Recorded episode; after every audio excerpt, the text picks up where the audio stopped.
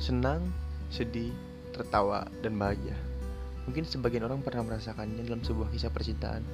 Dan di kali ini, saya akan membacakan sebuah puisi, ya, puisi kesedihan. Beberapa orang pasti pernah mengalami itu.